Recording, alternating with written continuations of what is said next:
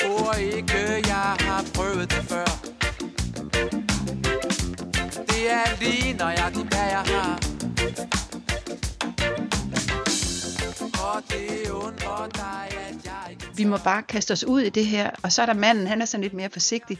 Det, det er sjovt, at der er aldrig nogen, der har brokket sig over den her mand i den sang, fordi han er faktisk lidt af et skvat. Men, men for han er sådan, ej, men jeg er også lidt bange for at give mig hen, fordi så, så går det bare. Ja, men der er sådan en dialog, der er en form for magtkamp mellem den her mand og den her kvinde.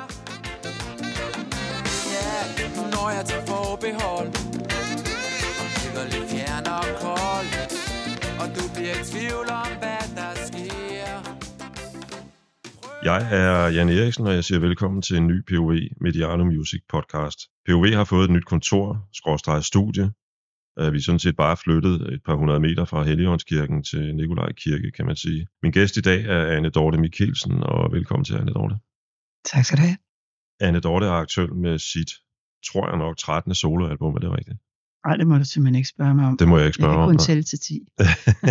det aner det ikke. Vi går hurtigt videre. Uh, man kan sige, at for folk i min generation, og for den sags skyld også yngre, er præsentation af dagens gæst overflødig. Men jeg vil dog alligevel uh, lige nævne, at ud over tøsedrengene, som de fleste ved, du har været med i, så har du jo også været med i cabaretgruppen, kalder jeg det, Venter på far, og også lavet mindst en anden cabaret, kan jeg huske. Det er ikke så længe siden, der udkom en biografi, men det var vist ikke dig selv, der skrev den, vel? Eller? Nej. Og er faktisk uh, for ganske nylig det, som man i brætspillet Matador kommet på finansloven. øh, det, Er det, men det svarer til, øh, hvad hedder det, komme ind på rådspladsen, eller hvad? hvor tænker du, kommer man på finansloven? i ja, altså, ja, ja, det kan man så få, får man øh, 200 kroner. Øh, tror jeg, det gamle, altså det oprindelige. Ikke? En avl for nyttehaven. Ja, et eller andet, ja. Men at du har modtaget en hædersygelse, og det er velfortjent og kæmpe stort tillykke med det. Tak skal du have.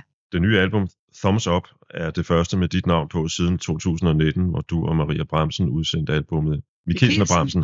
Ja. ja, det lyder ligesom et advokatkontor. Ja, det lyder lidt ligesom et advokatkontor. Det er fordi, vi gerne vil tage seriøst. Så tænker vi, så prøver vi på den måde. Præcis. Og det er jo så efter nogle års samarbejde med nogle koncerter, hvor I hvis nok primært spiller det gamle guld fra tøstrengenes tid. Ikke? Ja, det var ideen, ikke? Helt tilbage i 13.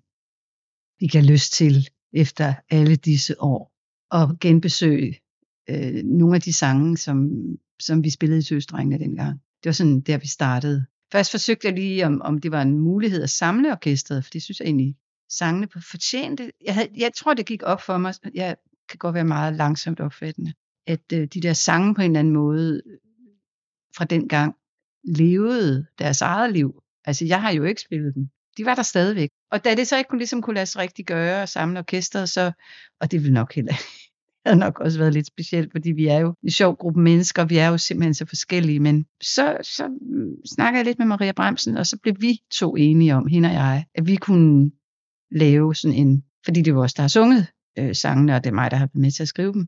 Og så samlede vi banen sammen med min bror, Mads Mikkelsen, og, og så spillede vi, og da der så var gået et stykke tid, så udvidede vi det lidt. Så begyndte vi jo at, sådan, at sprede ud og sige, okay, vi spiller de numre, som, som vi har sunget, Maria og mig. Og det vil jo så også sige, for eksempel for Marias vedkommende radio sange, og for mit vedkommende sang for min solokarriere. Så nu er det sådan en blanding af de tre ting, når vi er ude at spille. Men det er jo primært sange fra 80'erne og 90'erne. Mm. Eller det er, så har vi jo lavet vi et nyt album, som du også nævnte, og som vi har spiller stadigvæk øh, to sange fra, øh, og nogle gange flere, men altid to, som vi er meget glade for. Det ene hedder Det lykkeligste land i verden, som er sådan en, en sang til nationen, som stadig er sjov, sjov at spille. Handler om folk, der, der, der kræver ind hele tiden. Mm. Så er en sjov sang, en fin sang at spille. Vi starter altid koncerterne med den.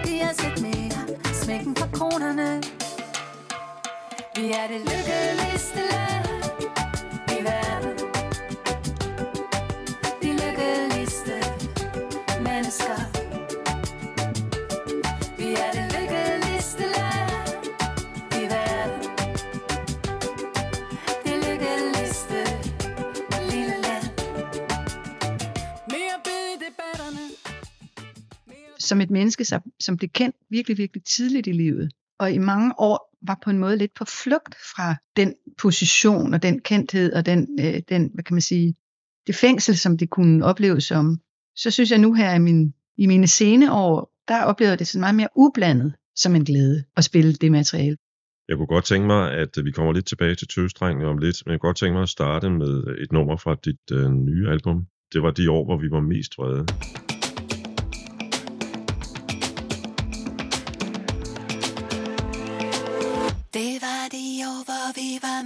Vrede Og denne vrede var konstant til stede. Og som med vrede blev den ved at brede Sej, Så den til sidst var som et bjerg.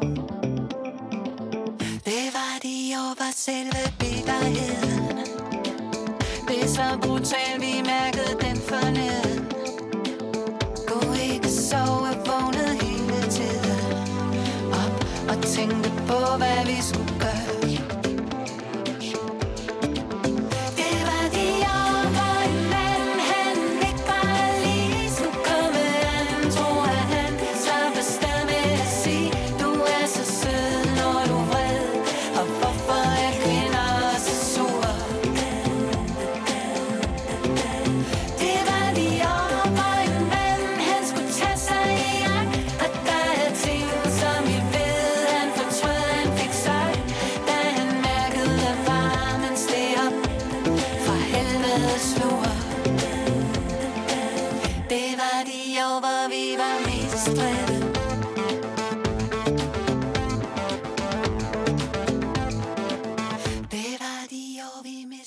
Spørger sådan lidt bredt. Hvem er, er det egentlig, du synger om her? Hvem er vi? Vi øh, er kvinder. Og jeg ved ikke rigtig hvorfor, men der er sådan en tendens til, når jeg skriver om det her, lige præcis det her emne, så bliver sangene altid til vi. Det er lidt ligesom øh, I Venter på far, som jeg lavede der i 90'erne. Der var jo alle sangene også vi. Vi kræver intet, og, og øh, vi kan lide at have noget, vi kan rive i, og vi elsker magasin. Og, og altså, det var næsten altid vi. Det er noget, sangen jo selv bestemmer. Det er ikke planlagt fra min side. Det er sådan, det kommer ud, og jeg tror, det er, fordi at jeg intuitivt føler, at det er sådan en, en sang på vegne af mange. Jeg kan jo ikke indforskrive nogen mennesker i det vi, men, men, men det er sådan, jeg selv føler det. At det er ikke bare mig, der synger her. Det er, det er en, en, en, en, en ting i tiden. Det er en, en, en, en bevægelse i tiden. Jeg kan afsløre for lytterne, at Anne Dorte er lige gamle på nær en måned. Du og jeg er husker, jeg husker 70'erne øh, og, og, og, og den vrede, der var der. Er det den æra, du synger om her? Nej. Men, men jeg vil nu sige, at øh, der, der, er et andet, der er en anden sang på albumet, der hedder øh, Fucking Feminister, Mm-hmm. som jeg selv godt synes kunne være skrevet i 70'erne, bortset fra at musikken er meget moderne. Men, men det vil jeg sige, det er sådan en rigtig slagsang. Det, øh, de år, hvor vi var mest vrede, er, er ligesom noget andet. Det er jo også en lidt en humoristisk sang. Men hvad det er for nogle år, det helt konkret er, den refererer til, øh, det tror jeg, det vil nok være forskelligt for hvem, der lytter til sang, vil jeg så til gengæld sige. Og jeg vil heller ikke nødvendigvis kunne sige selv, hvad det præcist er for nogle år. Det, der ligesom ligger i det, er jo, at det er i hvert fald noget, som ikke er der nu. Lige nu er jeg ikke vred. Det var de år, hvor vi var mest vrede. Og, og, og, og, og det er tit noget med, at når, jeg, når man skriver en sang, så, og en tekst til en sang, så skal man finde et eller andet, som giver. Altså for eksempel, det var de år, hvor vi var mest redde. Okay, hvad skete der da? Ikke? Det var dengang øh, bitterheden var så stærk, vi mærkede den forneden. Altså, så, så kan man sidde og more sig med det. Øh, hvad, hvad skete der de år, hvor vi var mest redde? Der var, vi var virkelig, virkelig vrede. Og så, er der jo, så kommer folk bagefter, og der er også nogen, der siger, er det sådan en overgangsaldersang? Og sådan noget, Jamen, det ved jeg, det er det måske for dig. Men altså helt konkret, for mit helt eget personlige vedkommende, blev den jo skrevet omkring MeToo, første bølge, Ja, det tænkte jeg jo på, Ja, nok blev. Ja, ja. Og, og du er også 70'erne. øh, hvor der var en masse sådan politisk musik, som vi så sidenhen havde travlt med at tage afstand til, men som jo også afspejlede 70'erne. Så sangene afspejler jo, uden at jeg føler, at jeg selv nu sætter mig ned og skriver en tekst, som skal handle om det og det, for det er oppe i tiden. Sådan fungerer det ikke. Men omvendt tror jeg heller ikke, at jeg kunne have skrevet den sang for 10 år siden. Du er inde på noget, som jeg øh, lige før, som jeg synes er ret centralt, nemlig musik er jo også et spørgsmål om, hvordan man modtager det som lytter, ikke? Altså det har jeg virkelig lært. Altså når jeg møder mennesker, der taler om min sange, og jeg står sådan og tænker, okay, okay, det fik du ud af den. Fantastisk. Altså i den, i den her, der hører jeg en, jeg synes, jeg hører en lidt en dobbelthed, fordi der er også en, en, en jeg synes, der er sådan en, en erkendelse af, at den der vrede, hvis ikke man passer på, kan gå over og blive bitterhed. Øh, og det, det, det er sikkert ikke tilsigtet fra din side, men, men, men det er sådan lidt, jeg hører den. Ja, men det, det, det er jo et spørgsmål om, at jeg synes, at det er sjovt at skrive om det, der er forbudt. Ligesom du startede også herinde, vi gik i gang med at sige, at du var jo lidt af en kvævlant, og det, det tror jeg, den, den, den vil jeg gerne være med til at skrive under på. Eller jeg synes i hvert fald, det er spændende.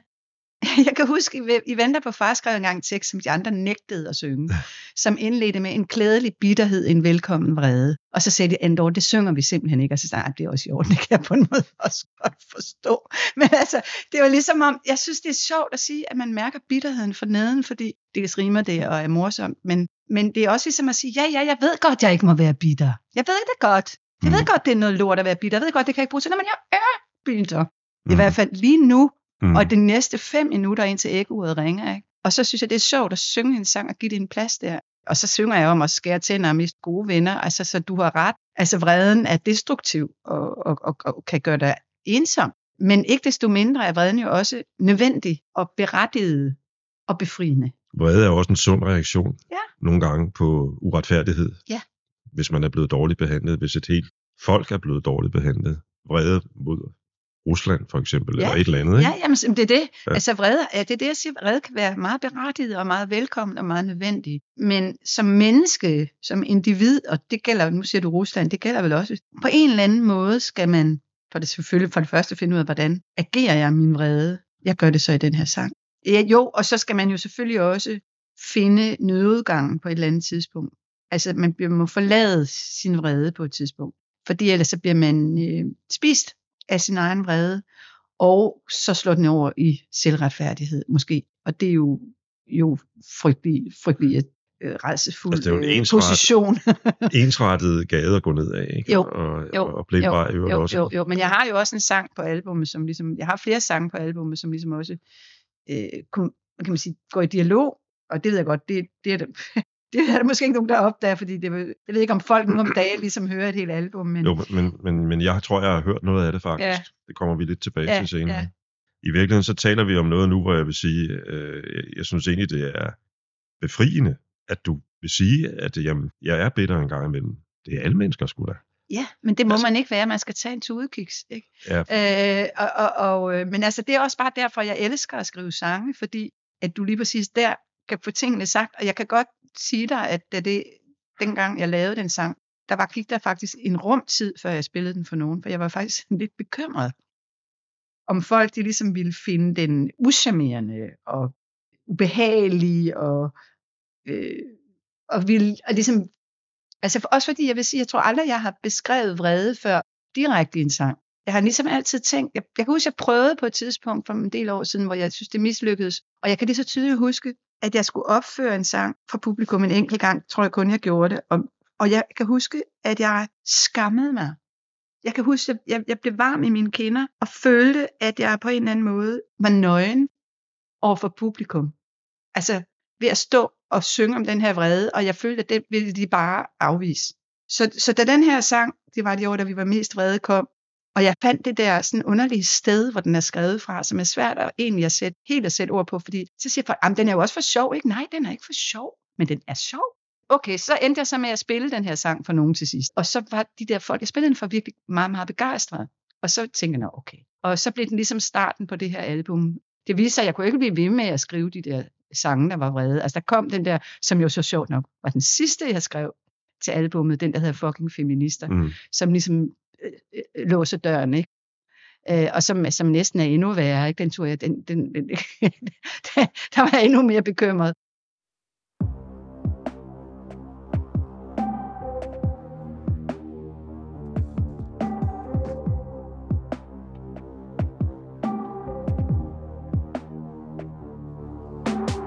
Vi er Danmarks fucking feminister Meget værre end svenskerne, de er vi ser fra, når mændene de klistrer. Så det gør de ikke så meget mere. Ikke mere.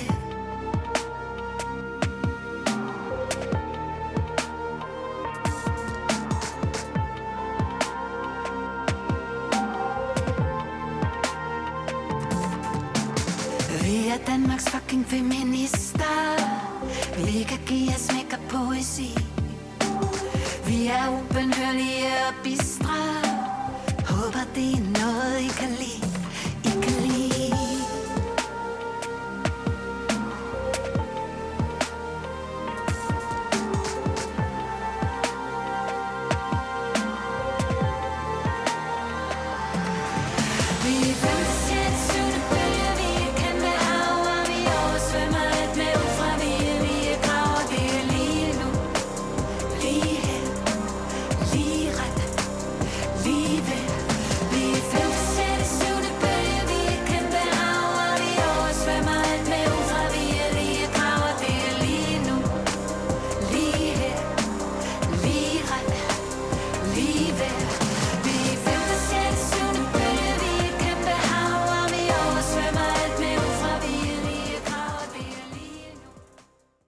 Jeg synes, en af de fede ting ved det her nye album er den måde, som du, og altid i virkeligheden har gjort, i hvert fald de sidste årtier her, par årtier eller tre, er i stand til at balancere poesi og humor, øh, som jeg føler, man gør i, i øh, fucking feminister. Ja, Øh, ja, ja. ja. Meget værre end svenskerne, de er. ja, nemlig lige, præcis, lige præcis. Ikke? Simpelthen værre end svenskerne. Ja, ja, ja. Ingen mænd render efter os, fordi vi er så brede. Og det er også bare fordi, det synes jeg også er sjovt, fordi det er jo også bare sådan noget, som man som kvinde har fået tudet ørerne fulde af. Hvis du viser de her følelser, hvis du viser den her vrede, så er du bare ikke sexet. Og rødstrømmen, de var jo bare ikke sexet. Det er jo sådan, man har klappet øh, kvindebevægelsen ned. Mm. De går med lilla blæ, og de har hængepatter, og de, øh, du ved, de er usexede. Altså, de, var jo, de er jo en form for mobning, altså som systematiseret, men det er jo også en magtkamp. Det skal man jo lige gennemskue, fordi det var jo en måde, man kunne, man kunne øh, bremse de her kvinder på. Det var ved at udskamme dem som usexede. Og derfor synes jeg også, det er sjovt at skrive en sang nu her i 2023 om, at, at mændene ikke klistrer mere, fordi vi er feminister, ikke? Føler du, at, at, at du specielt, og måske tøstrengene som sådan, var lidt offer i en, øh, en, hvad skal vi kalde det, en kamp, eller den du lige beskrev? Der var mange øh, rockanmeldere og sådan noget, der var på nakken af tøstrengene. Det var de sådan set også på i forhold til andre øh, popbands i 80'erne. Jeg vil sige, så længe jeg var i Tøsedrengene, oplevede jeg det ikke øh, så meget. Min musiksmag, altså nu snakker jeg ikke om tekster, men min musiksmag, har altid øh, været i opposition til mine venners og min omgangskreds. Jeg gik ud på det fri gymnasium, og jeg kommer fra en lille skole i Aarhus, og alle mine venner er sådan nogen, der skrev digte og, og lyttede til David Bowie og gik i læderjakker. Men min musiksmag, den har jeg ingen magt over selv. Den er bare, som den er. Og jeg kan lide de ting, jeg kan lide, og der er ikke nogen, der, jeg kan ikke diskutere det. Så derfor så, når, når folk de måske ikke kunne lide tøstrengen, og sidenhen måske mig som solist, og synes, hvorfor kunne jeg ikke et eller andet, så kunne jeg godt blive ked af det, og tænke, jeg kunne da godt have ønsket mig noget mere medvind, og noget, og, og, og vil blive, altså, øh, noget af den hæder, jeg får nu, som jeg er super glad for, det kunne da også have, men okay, dengang var man så berømt, så det var jo også fint nok. Og så kunne man også på den måde være lidt ligeglad, ikke? fordi vi solgte så mange plader, og der kom så mange til vores koncerter, og det var jo vores virkelighed. Men, men, men den der sådan underlige kølighed, som, som jeg måske bare, øh, jeg tror jeg havde så travlt, da jeg var i Tøstrengene, så jeg ikke rigtig helt opdagede det. Eller jeg, jeg tænkte, det er, bare, det, det er bare sådan, det altid har været. Når jeg kom og sagde til mine venner, prøv lige at høre det her nummer, jeg synes er pisse fedt, med Barry Manilow, der hedder Mandy. Ikke? Ja. Altså jeg kan huske, at jeg gik ned for at købe den single i Guff i Lyngby. Ikke? Fed, det det er en fed dumt. sang. Det er en fed sang. fuldstændig fantastisk sang. Og jeg havde bare hørt den i radioen, men jeg havde aldrig set, hvor kikset hans hår var. Og så, så gik jeg ned i, i Guff i Lyngby, og gik ind i den der butik, hvor der står sådan to gutter, du kan, lige, du kan se dem for dig, og siger, at jeg gerne købe. Og de var jo lige ved at besvime af foragt, ikke? over at jeg kunne komme. Og jeg kom som den der lille hippie-pige, jeg var. Det var, jeg skulle have haft Ziggy Stardust. Altså, Mm, det havde jo været mm. det rigtige for Det mig. har at været cool, ja. Og så sagde de sådan helt nedladende, jeg kunne jo gå over og se, om det havde nifoner, ikke? Og så kørte jeg med bussen hjem. Så, så havde jeg ligesom, jeg fangede den godt, ikke?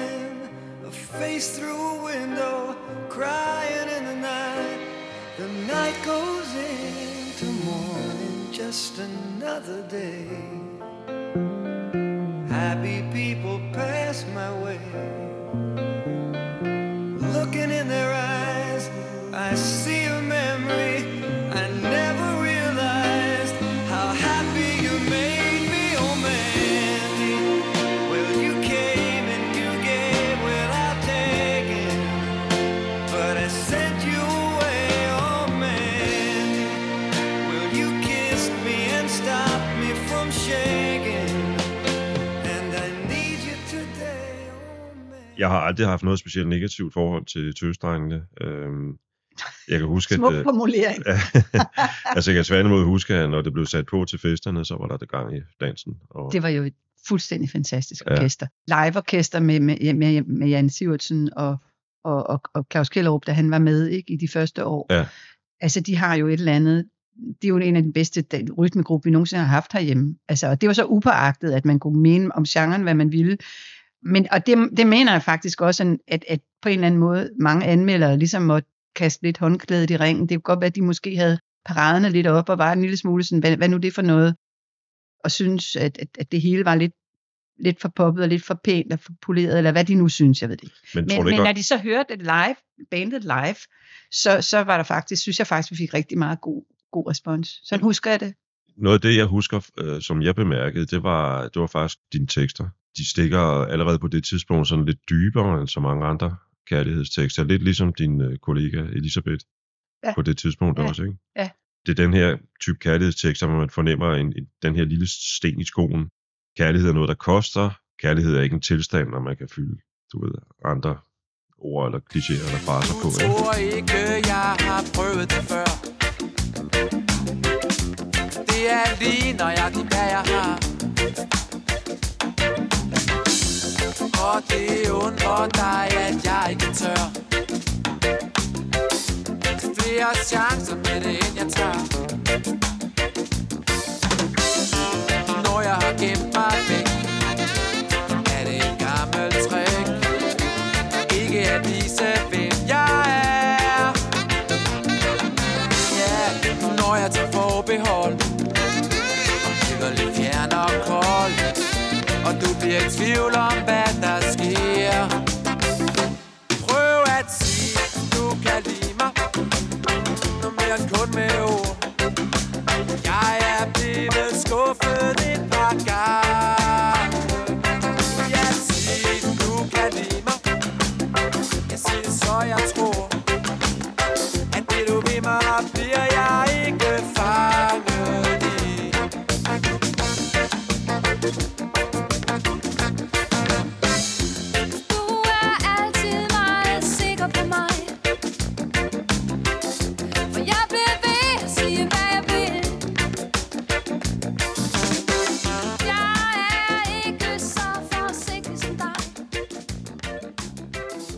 står jeg jo her som øh, en kvinde på 64 og, og synger Sig du kan lide mig.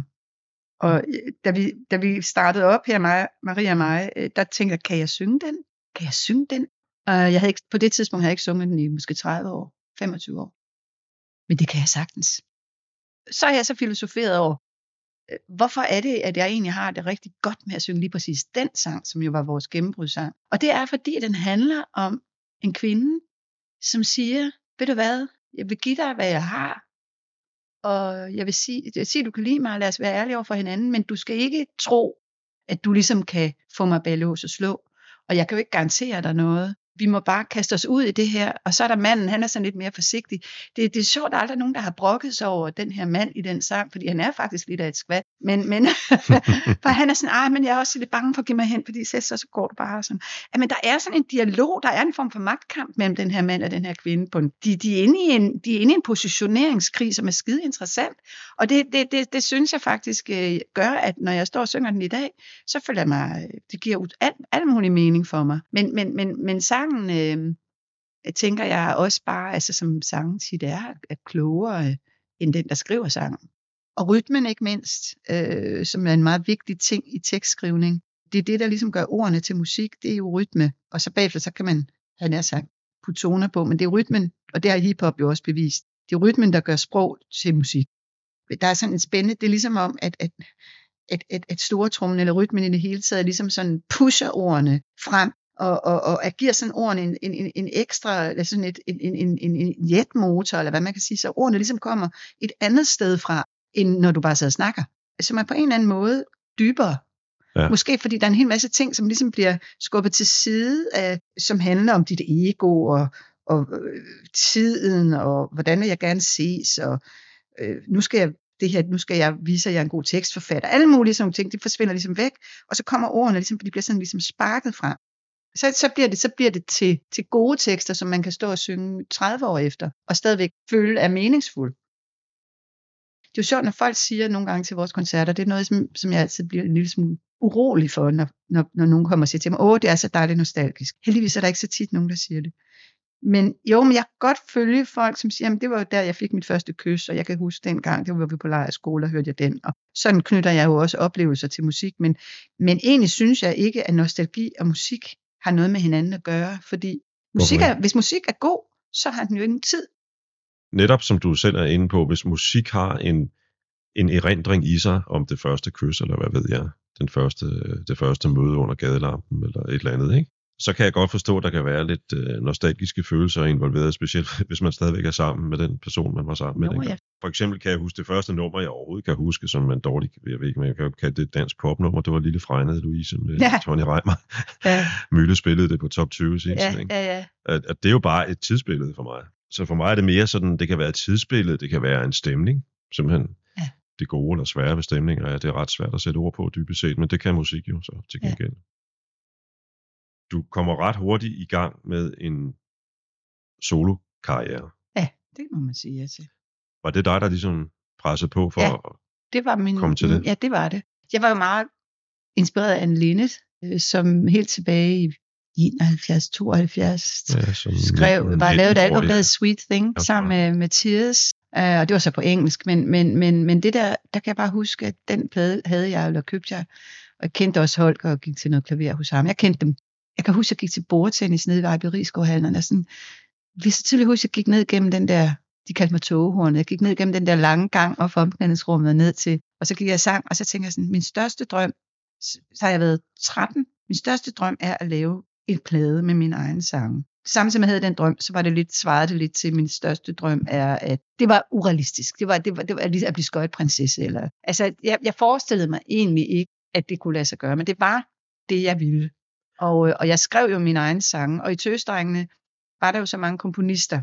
Og de, man kan sige, orkester var jo launchet, inden jeg kom ind. De havde jo allerede lavet en plade, og så var Sig, du kunne lide mig på den anden. Ja. Og de havde ligesom, de havde jo det hele. Uh, Matrixet, øh, navnet, som jeg synes var ret frygteligt, kan jeg huske. Og, og så tog jeg den plads. Og det, det, det lykkedes jo rigtig. Det gjorde jeg så med Sig, du kan lide mig, u, altså ubevidst. Det var den, der gjorde, der gjorde, at jeg kom med i bandet, kan man sige. Men, men, men, men, men jeg kunne ikke rigtig komme til fadet med min egen musik. Altså jeg, Men- jeg havde nogle ganske få numre på. Vi var engang så tæt, der bruger bruge så et par stykker mere. Men, men, men, så jeg havde jo min egen sange. Men det er vel så her, at øh, en mand, der jeg tror har betydet en del for din karriere, nemlig Paul Brun, kommer ind i billedet.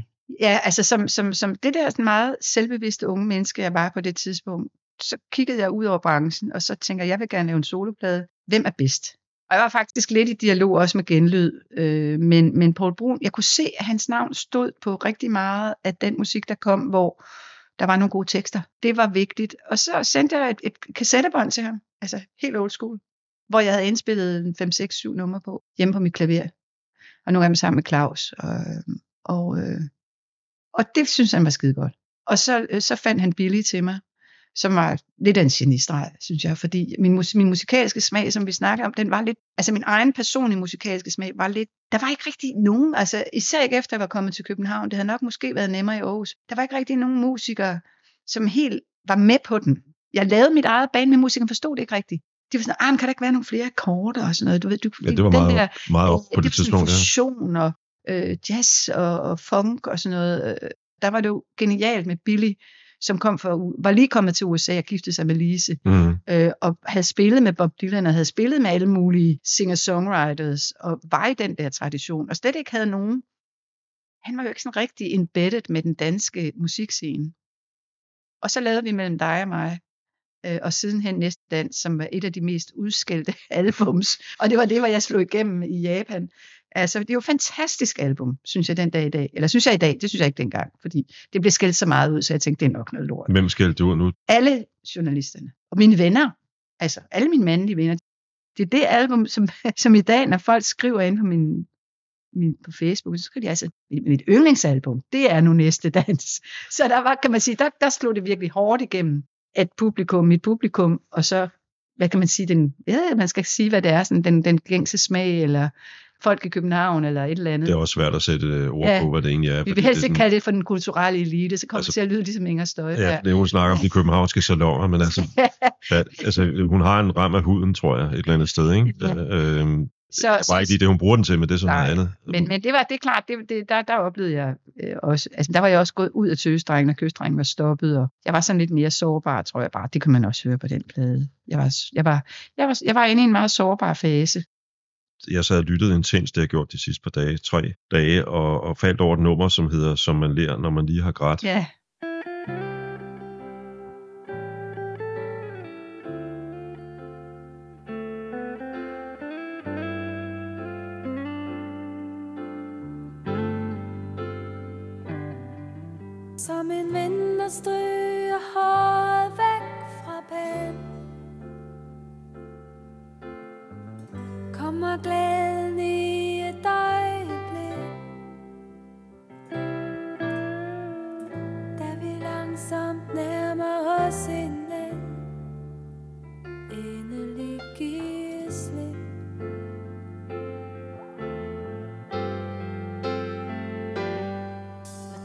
Og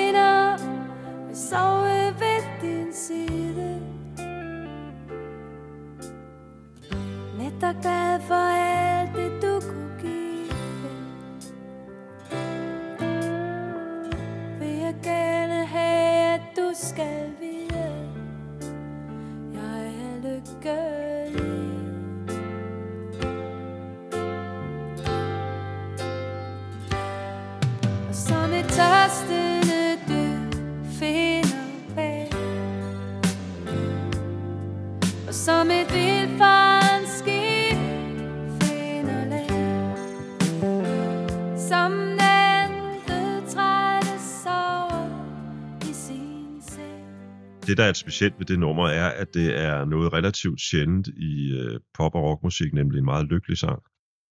Ja. Mange mener, at musik bedst, tekster bedst skrives på smerte, længsel, tvivl, melankoli måske. Ja.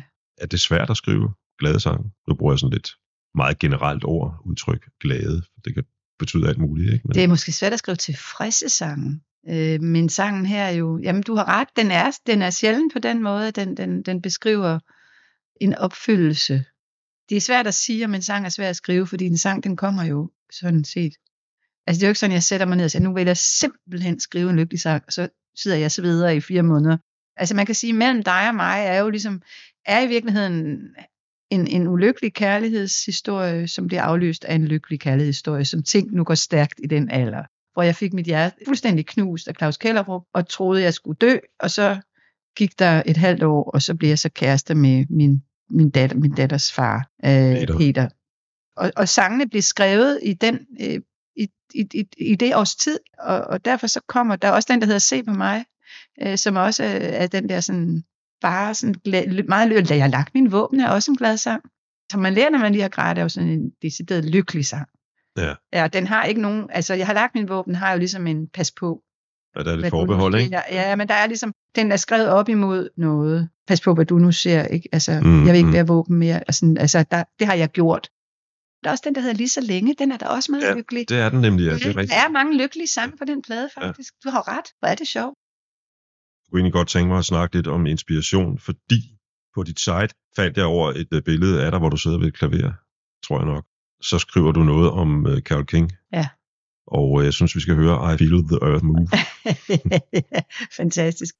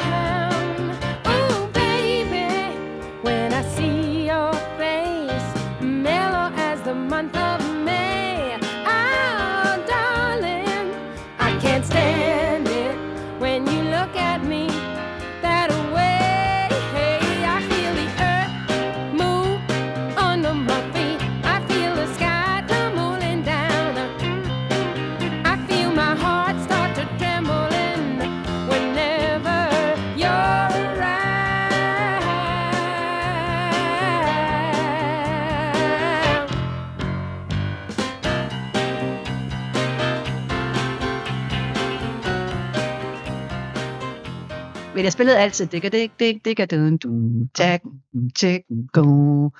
Du, du, du, du, It's too late baby now.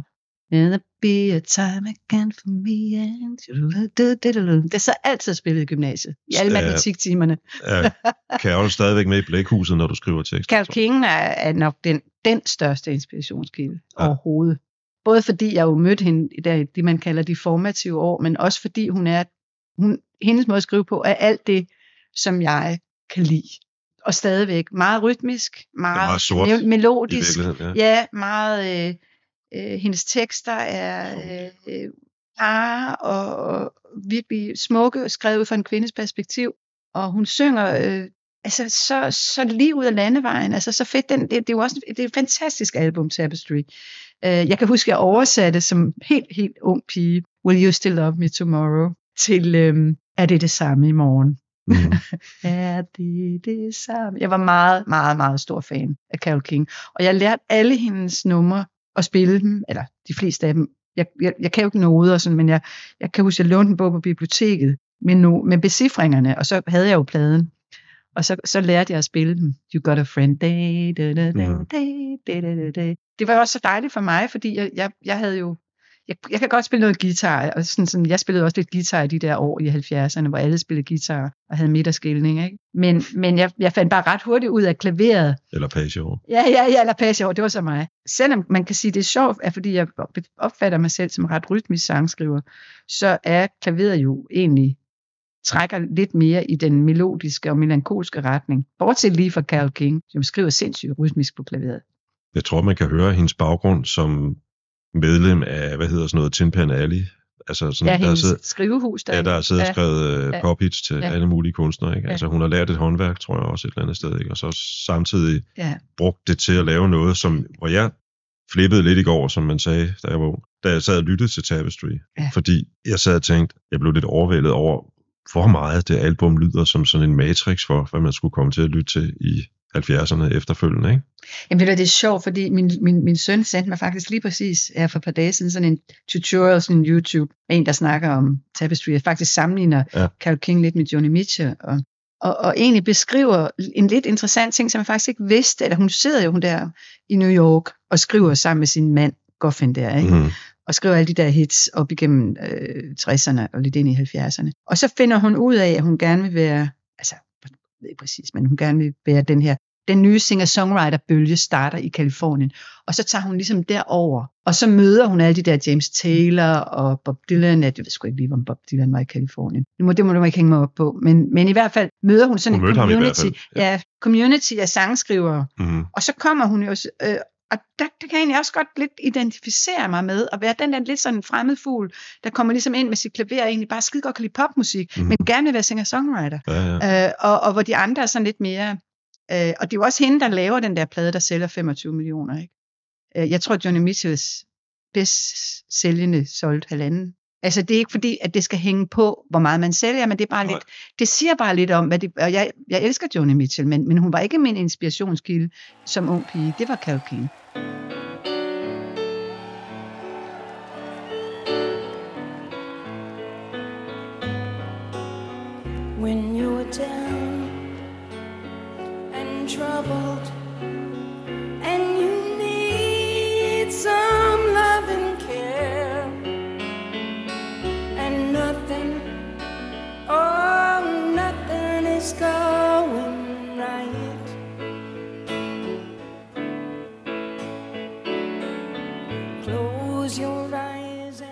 Jeg var i Hyde Park og se Carole King performe Tapestry sammen med Øret Annika Aukjær for, hvad, fem, seks år siden? Okay, jeg anede ikke, hun havde gjort det. Nej, men det, det er den eneste, den eneste koncert, og så fandt jeg så ud af sådan lidt, mm. at det var så fordi, at den der mu- musical Beautiful, der er lavet en musical om Carole King, den har jeg også Ja. set i New York.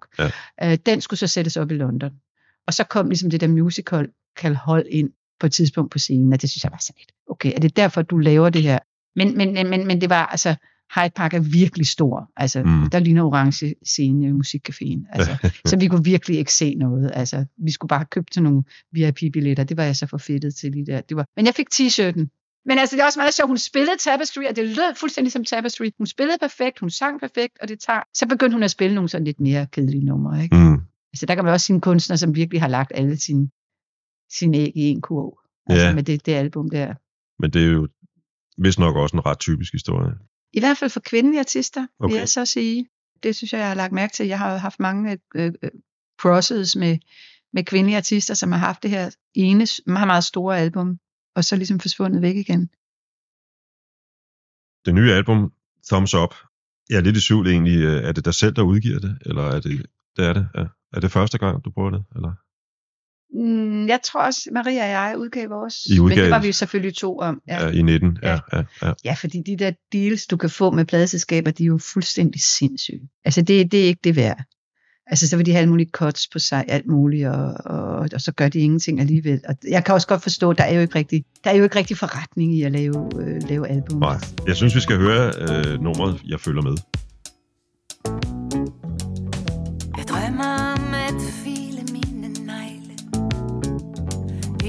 sender aldrig mere være fred.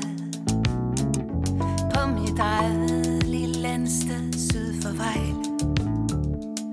Uden en eneste at diskutere med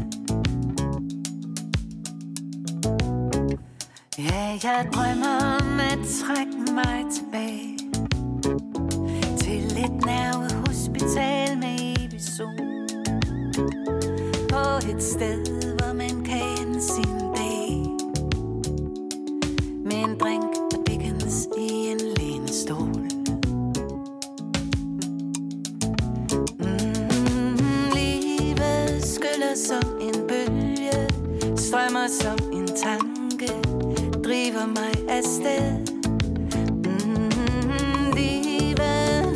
sig og kalder. Jeg har ingen alder Og jeg føler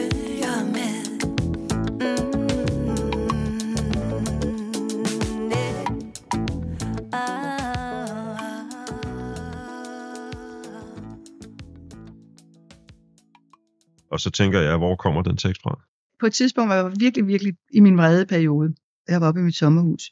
Og så skrev jeg det der, som den starter med. Jeg drømmer om at file min negle helt, i sender, aldrig mere være vred på mit eget lille landsted syd for Vejle, mm. Uden en eneste at diskutere med. Det morede mig utrolig meget. Og det er Og, det. og tænke, at man kunne sidde der på sit landsted syd for Vejle og lakere sin negle, og, og i hvert fald ikke have nogen i nærheden, som man skulle diskutere med. Bare det der, så lad mig dog være i fred. Men så kommer jo ligesom omkvædet, som, som jo ligesom på en måde er noget helt andet, som jeg kan tydeligt huske, det kom sådan, fordi når man er vred, er man jo også tit meget ulykkelig. Og så tror jeg måske på et tidspunkt, så slår den følelse igennem. Jeg kan huske, det jeg var oppe i sommerhuset, og det var vinter, og det var meget mørkt, og det var aften, og det var sent, og jeg havde mit klaver deroppe.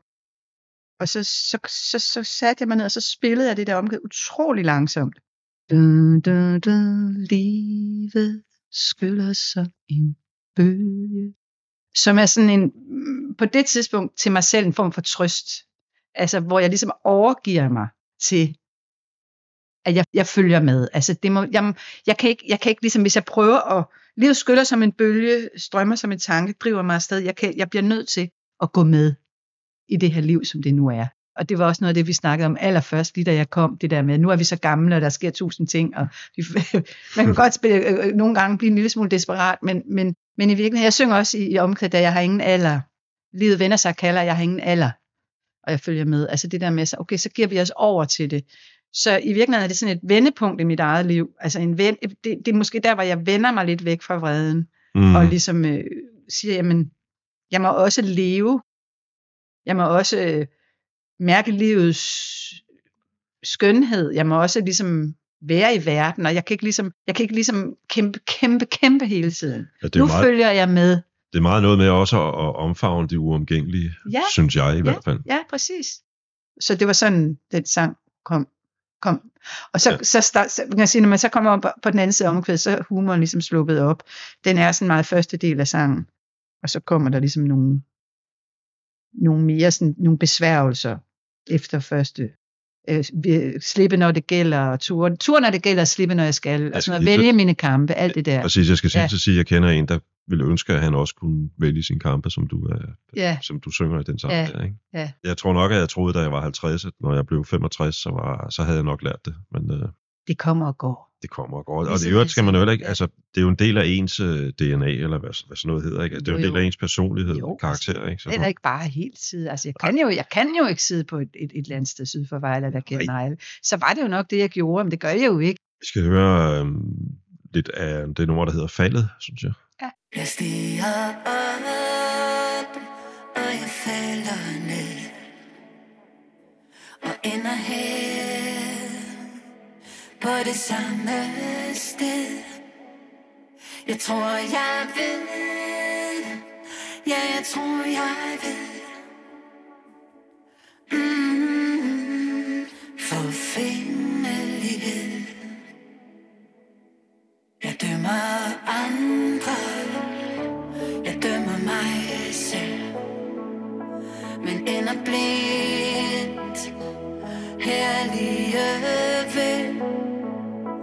Jeg tror, jeg ved.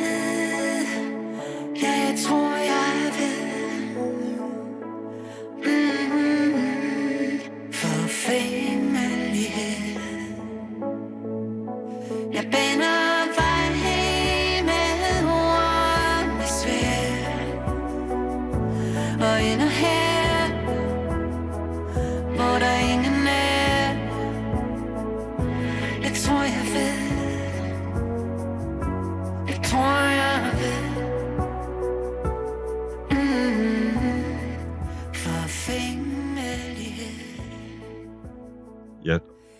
hører det som en sang om forfængelighed, og det har fået mig til at tænke om, der findes en roman, der hedder Faldet.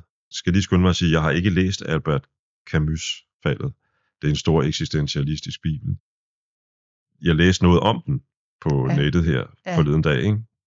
Og den, den handler, øh, det er en, der analyserer den og siger, at den kunne være skrevet i dag, fordi den handler om, øh, og så kommer der et lille citat her, i en nutid præget af behovet for at være synlig på sociale medier, stiller romanen spørgsmålet, om gode gerninger mest udføres på grund af den sympati og anerkendelse, man herved får til gengæld, altså mere som et udslag af hangen til selvisensættelse end på grund af et humant og empatisk sindelag. sindelag. Og på en eller anden måde har jeg hørt dine refleksioner over det med forfængelighed lidt som noget i den her stil, eller som på en eller anden måde matcher det her. Ja. Jamen, det er jo, det er fordi, det gør så ondt, når man nogle gange synes, man har fået styr på tingene. Det er også det, jeg mente før, da jeg sagde, at det kommer og det går, ikke? Især måske, ja, måske det har altid været sådan, men man kan sige måske især, når man også er blevet lidt ældre, og man ligesom synes, nu, jeg er begyndt, når jeg sådan er, bliver alt for godt humør, så siger jeg til mig selv, Anne Dorte, sådan, piano, piano, som de siger i talen, rolig nu, rolig nu. Lad nu være at komme for højt op. Man, man kommer op, man kommer op, og så ligesom så får har man den der, ah, men altså, jeg har jo gennemskuet det. Og der kommer, ret hurtigt kan der komme den der fordømmelse, som sådan en form for følgesvend, hvor du også begynder at dømme andre. Og det er jo også meget det, sangen handler om, at, at det der med, at man dømmer, og man, man kæmper med, med ord og svær for sin, det, man synes er det rigtige, og man baner sig bare ikke, og så lige pludselig, så, så, så ramler det hele, og så ligger man der. Mm. Og så forstår man, at, at, at det, det er nok det, er det, man skal. Ikke? I faldet bliver jeg helt, tror jeg, der står i sangen. Altså, man kunne sige, i faldet går man jo i stykker, men så skriver jeg, i faldet bliver jeg helt, bliver jeg mig selv. Fordi mm. Så, så giver jeg slip på alt den der sådan lidt, altså Ja, ja, ja. konen med æggene-agtige idé om, at, at nu har jeg simpelthen øh, fundet de vise sten, og nu skal I alle, alle sammen høre, hvor klog jeg er. Ikke? Og så går det op for en øh, øjeblikket efter, at, at man tog fejl. Ja. og det, er jo, det kan jo gøre ondt, eller man, og især hvis man ligesom så har ført sig frem og larmet op, og, og så ligesom at se i øjnene, at, øh, at de sandheder, man havde fundet frem til, de var nok alligevel lidt for enkle. Mm. Men, men det er da i det mindste noget, at man er i stand til at erkende, at det er sådan. Jamen jeg tænker også, Det, der adskiller dig som menneske fra en psykopat, for eksempel. Ikke? Ja, men jeg tænker også, at ærligt talt, at, at jeg har kendt mennesker, hvorom jeg har tænkt, at han, hvis han ikke falder, så knækker han.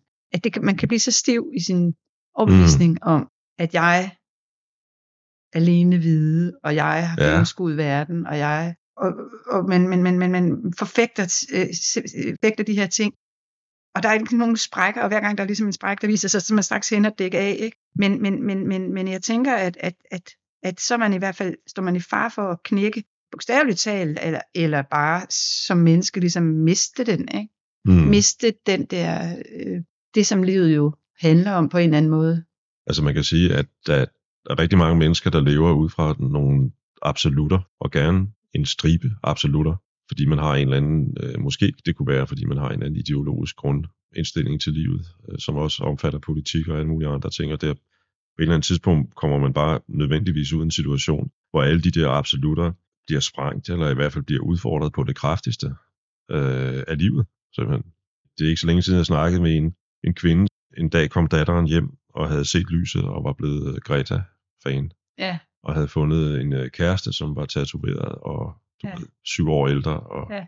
fedtet hår og sådan noget. Og hendes verden brød sammen. Det var ikke det, hun havde opdraget sin datter til. man kan sige, når man, når man laver sådan noget, som, som jeg laver, og i en vis grad jo også dig selv, men i hvert fald i min, når jeg kigger på, hvordan mit liv har udspillet sig, så tænker jeg sådan, hold da op. Den drejebog, den havde jeg altså ikke skrevet. Hvis der var nogen, der havde sagt til mig, hvad der ville ske, da jeg var 20 år, så ville jeg sige, ja, det tror jeg ikke på. Altså, det her, det har udviklet sig på sin... Og det er det, det, jeg følger med også handler om sangen. Ikke? Altså, og faldet sådan set også, jo, altså, om det her med, at altså, man må give sig hen til, til livet. Og jeg er jo også en forholdsvis øh, troende menneske, ikke på sådan en ortodox måde, men, men jeg synes, der er så meget visdom øh, at hente øh, i, i, i lignelser og salmer og, og prædikner, hvis det er en god præst. Fordi det hele tiden peger på det der med menneskets fejlbarlighed. Med det der, hvad skal man sige, der er nogen, der ikke kan holde ud, at man siger, at mennesket er sønder. Jeg kan huske, min far, han havde det. Mm. Han, øh, er mennesket er ikke en sønder, men det er fordi, man ikke rigtig, tror jeg, egentlig helt forstår, at det, der egentlig bare ligger i det, det er, at, at vi har brug for tilgivelse. Og hvis man, nu bliver det sådan lidt, men altså, hvis man på en eller anden måde fornemmer, at der er noget i verden, altså noget tilgivelse, en hånd, der rækker ud, når man, når man falder, så tør man falde. Og så kan man ligge der og ralle og, og skamme sig, øh, og, og, og, og tænke, hvad skete der lige der? Hvorfor er det, jeg er faldet herned, og, og det ligger helt uselt her, og rager rundt, og ikke forstår noget som helst. Og, og så tænker jeg, det, der, der kan man sige, der kommer kristendommen, eller troen på en, en anden mening, en større sammenhæng, som jeg ikke har overblik over, mig til hjælp i de Mhm. situationer. Da jeg blev skilt her for et par år siden, der havde jeg utrolig meget glæde af at gå i kirke. Den sang, der er på album, der hedder Retfærdighed, er også meget inspireret af den periode, hvor jeg ligesom giver slip på, på kampen og, og, og overgiver mig til øh, ja, en form for forsoning. Ja, også, der er også selve den sang, der hedder Det, som jeg vil zone, Mm. som, st- som jo starter med, at jeg boomer, og ender med, at jeg vil zone. Ja, Det er en meget lang rejse i den tekst. det var det, som du sagde i øvrigt, inden vi begyndte, at, at du skriver den ofte i et narrativ, ikke? Altså en, Ja, Ja. ja. Jamen, lige den sang, altså hvis jeg skulle være kritisk over for mig selv, så vil jeg sige, den er, den, den handler lidt om to ting. Den starter med det der med, at jeg er en boomer, og jeg gør lidt grin med det. Jeg lærte kun at riste går vel også runer lidt og grin med dem, der siger, du er en boomer, gør du ikke? Ja, nej, det synes jeg faktisk ikke. Jeg synes ikke, jeg gør grin med dem. Jeg gør grin med... Jo, altså det kan man sige, jeg prøver at pille... Jo, altså den der sådan lidt selvretfærdige, hvad fanden, hvorfor har jeg altid sige den? Altså, alt det, du har gjort, og du har ansvar for, det prøver jeg sådan ligesom at forholde mig hum- humoristisk til. Ja, for du siger, at du kan ikke... Altså, Jeg du kører min bil i garage og drikker rødvin, hvad jeg jo ikke gør, men altså på den måde. Altså alt det, man ikke må, det gør jeg. Præcis, så du kan ikke påtage dig alene ansvaret Nej, for, jeg at, at ozonlaget ved at, Nej. at forsvinde, vel? Altså, Ja, det, altså det kollektive ansvar på hele verdens vegne, det kan jeg ikke påtage mig. Nej. Jeg har nok i at slås med mit eget ansvar for mit eget liv. Ikke? Og det synes jeg også, at det, det er også det, sangen udsiger, at det er det, man, det, er det, der er ens opgave, når man bliver ældre, mm. synes jeg. Hvis man kan at finde ind i en anden form for ja, kærlighed, grundfølelse af kærlighed, det kan jeg kun på gode dage, vil jeg så sige, ligesom Bob Dylan. Most of the time. Most of the time. Ja. ja. Men, men hvad hedder det? Jeg, jeg opfatter jo så også titelsangen, Thumbs Up, som en sang, som er lidt i, bold, i, i samme boldgade, eller i hvert fald i, i ja, lidt parallelt med det her, det der med at, at omfavne igen, at det var det, man kom til, og man er nødt til at få det bedste ud af det, og måske også tilgive sig selv, eller tilgive andre for den sags skyld.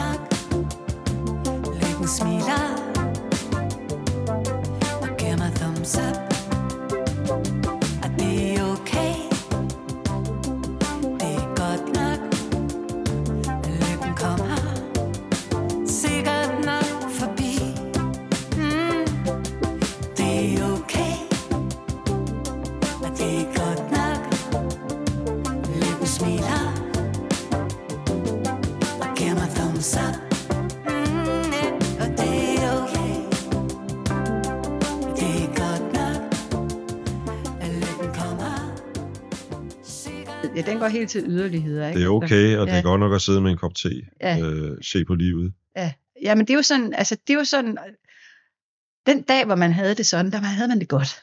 Altså, Mm. Ja, ja, den ja, dag ja. var den sang beskrevet, og det tror jeg også var en, også en sang, som er skrevet sådan, altså, efter en lang periode med, med mange bryderier og, og, og, og mange mørke stunder og, og fortvivlelse og, og utilfredshed øh, med min egen øh, manglende evne til at, at, at, at håndtere ting i tilværelsen, som, som er kommet imod mig, som jeg ville ønske, at jeg havde kunnet øh, gribe anderledes an. Øh, men det kunne jeg ikke. Øh, og øh, så bliver det sådan en sang øh, om, at om den der, og det der utrolig smertefulde, der er ved, at man hele tiden synes, at man burde at kunne gøre det bedre. Altså det der optimeringsvanvid. Altså der får den også sådan lidt en bredere, en, en, den er sådan helt min helt personlige historie, men altså hele det her sådan, jo som også de sociale medier på en eller anden måde nære, men det er jo ikke en ny ting, at mennesker ligesom kigger på naboens havegang og siger, hvorfor er det, der er mere ukrudt i min havegang. Med Facebook og alle de der ting er det blevet endnu værre, fordi man, man, man lægger sig jo ikke på sin pude nogensinde en aften. Jeg gør i hvert fald ikke uden at tænke, ej, hvorfor fanden, jeg fik ikke, opda- jeg fik ikke opdateret på Facebook. Ej, det er simpelthen. Jeg er så dårlig til, øh, til de sociale medier, fordi jeg i virkeligheden slet ikke har brug for det personligt. Altså jeg gør det ligesom af hensyn til mine fans og folk, som gerne vil vide noget. Ja, der, Men- men- når der men er nogle nyheder at fortælle og sådan noget. Ikke? Jeg kommer ligesom frem som sådan en lille, jeg ved det ikke, hvad man skal sige, sådan en lille muldvarp, altså, og laver, så kommer jeg frem med en sang, og så siger hey, jeg skal gøre den her sang, oh, så kravler jeg ned igen i mit Ja. hul. Altså, og så ind i midt, leveres lidt til at leve i skjul for verden. Og det var jo også sådan, vi egentlig i 80'erne levede, og langt op i 90'erne, der var vi jo meget, levede vi jo lidt i sådan Fort Knox på en måde, når man var kendt. Ikke? Der var ingen, der kom, der, der kom i kontakt med os. Det kan man så vende sig om og sige, det var der måske, havde det måske i virkeligheden nogle gange lidt et problem, at vi ikke havde kontakt med vores publikum. Især i, i sådan nogle faser, hvor man fik mange dårlige anmeldelser. Mm. Der tænker jeg, hvis jeg havde haft 100.000 følgere på Facebook, der fortalte mig, at jeg var et geni, så havde jeg måske haft det lidt bedre. Når jeg hører den sang, så bliver jeg simpelthen så godt humør. Det, det, det, jeg har nemlig siddet og skulle arbejde med noget video til den, og derfor så har jeg ligesom skulle sidde og høre den og høre den og høre den. Og hver gang jeg hører den, så bliver jeg glad. Jamen, den peger på, på, på, på, på at give dig nu selv fri, ikke? og på hvor dejligt det er, når man kan det, og kan, og det kan man jo ikke så tit. Det er faktisk, nu snakkede vi om lykke lidt tidligere, det er faktisk sang om at være lykkelig. Mm. Det er vel egentlig lykke. Hvad er lykke? Lykke, det er jo ligesom der, når du lige pludselig synes, det er okay, det er godt nok. Og det er også derfor, lykken kommer forbi, når du har det sådan. Mm. Så kommer lykken og banker på, hallo, er der nogen? Ja. altså, så, så, så det er en sang om at være lykkelig. Ved du hvad, jeg tror, jeg vil sige uh, tusind tak, fordi du ville komme forbi. Tak. Og vi slutter af med at uh, lytte til Det, jeg vil zone. Det, som jeg vil zone. Det, som jeg vil zone. Det var kun den syvende titelfejl, jeg tror, jeg fik lavet her i dag. Det, jeg føler et stort ansvar, for jeg tænker, det er mine titler, der er svære. Ja, ja, nej, nej, nej det er mig. Nej. Ja. Tak for i dag. Jeg selv tak. Jeg hører, I kalder mig for boomer Jeg aner ikke, hvad det er. Jeg fatter ikke jeres humor. Og lytter ikke så meget mere. Jeg kører bilen i garage. Og skænker mig et glas Bordeaux. Jeg tænker, livet er en farse. Og kunne man bare få lidt ro? Jeg hører, I kalder mig for boomer. Men hvad vil det i grunden sige? Jeg lærte kun at riste runer. Og det er der ingen fremtid i. Det er der bærer verden videre. Og det er mig, der takker i. Skal jeg angre, må I vide, at bliver min egen sag. Den kulde, som jeg ikke ville Som jeg lige vil kalde på Det er den, jeg ser, der har bestilt Det er den, jeg prøver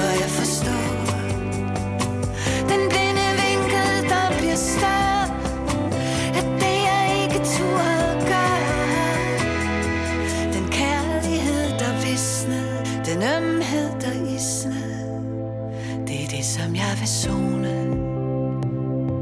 Det er det, som jeg vil zone. Vi kæmpede på de gode side. Det var i hvert fald det, vi ser Men det kan være svært